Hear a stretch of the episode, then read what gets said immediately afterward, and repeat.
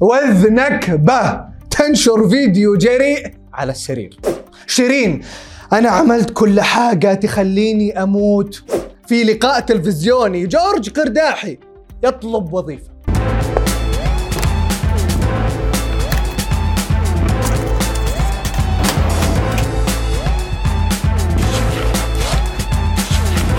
يا مرحبا وسهلا فيكم في برنامجكم. مين مكسر السوشيال ميديا؟ معاكم المحقق عبد المحسن اللافي. تبغون تعرفون مين كسر السوشيال ميديا هذا الأسبوع؟ ابشروا. وذي نكبة رهف القحطاني اللي انشهرت في خمس دقائق. برضو في خمس دقائق تغيرت وجهتها. في البداية قالت أنا في السوشيال ميديا مش للاستعراض. داخلة بوجهي. وجهي يشرف ويطلق. الله أكبر. دخلت أنا في ال social media مش للاستعراض. okay؟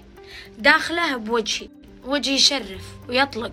الله وكيلكم. ما كملت خمس دقائق وشفناها في منظر غير لائق. وعلى السرير. شو أسوي شو المخرج عايز هيك تبي البوزات؟ ولا نسوي كذا. يا جماعة لا تلومونها. المخرج عايز هيك. عايز شراباتها المعفنة. وش جوك يا المخرج؟ شرابات. وبعدين يا رهف هو المخرج أي شيء عايزه. حتسويه؟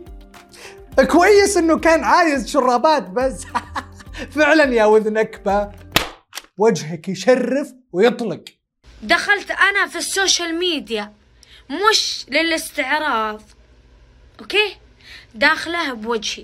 وجهي يشرف ويطلق. كما هو متداول الفنانة شيرين عبد الوهاب دخلت بحالة اكتئاب وحلقت شعرها بعدما تطلقت من زوجها الأخير حسام. مبسوطة إني معاكم. ويا رب تقبلوني بالشكل ده بس أنتوا عارفين إن أنا أنا كده فقت. قرعة شيرين صار لها تفسيرات وتأويلات كثيرة. لأن الواضح أنه معاناة شيرين أكبر من مجرد طلاق من حسام خصوصا أن لها تسجيل صوتي تعترف فيه بمحاولاتها المتكررة للانتحار. كان ممكن يتحول إلى انتحار. لم تنتحري إيمانا؟ مين قال لك إني ما جربتش؟ بسم الله الرحمن مين الرحيم قال لك ان ربنا؟ يا حبيبتي ربنا ساترها معايا لحد دلوقتي عشان هو بده هيك بس. لكن أنا عملت كل حاجة تخليني أموت. بعدها كتبت شيرين عن شعرها في تويتر ليه ما يكونش لوك جديد؟ ليه ما يكونش تغيير؟ شيرين. بعد التسجيل الصوتي اللي سمعناه ما عاد تهمنا قرعتك تهمنا سلامتك. يا زين قرعتك بس.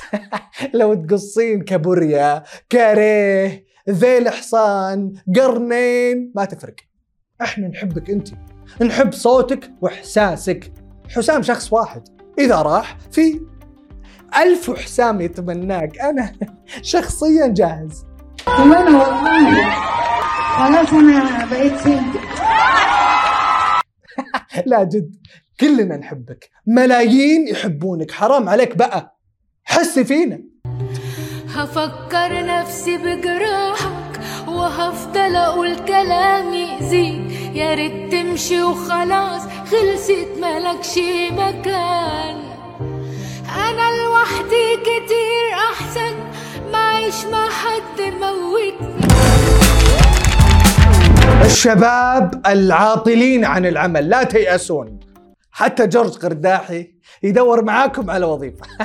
جورج من بعد ما كان وزير الإعلام اللبناني استقال من منصبه.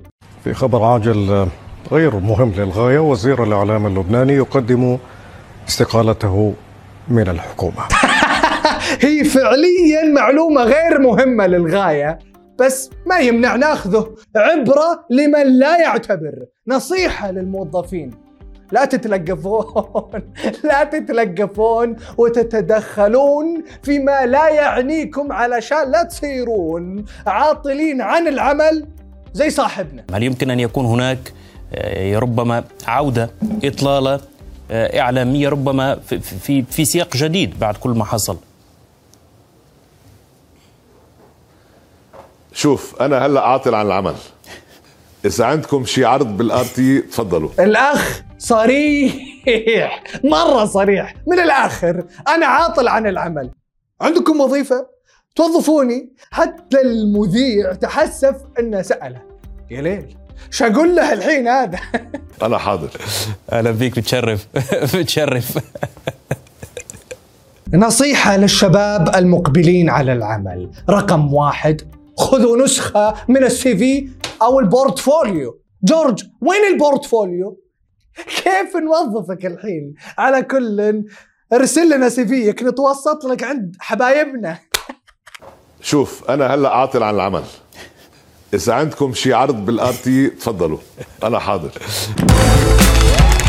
هذه كانت أخبار المشاهير وال social media. لا تنسون تشتركون في برنامجنا وتفعلون التنبيهات وتسوون follow لسماشي ونشوفكم كالعادة كل اثنين وخميس الساعة 9 بتوقيت السعودية.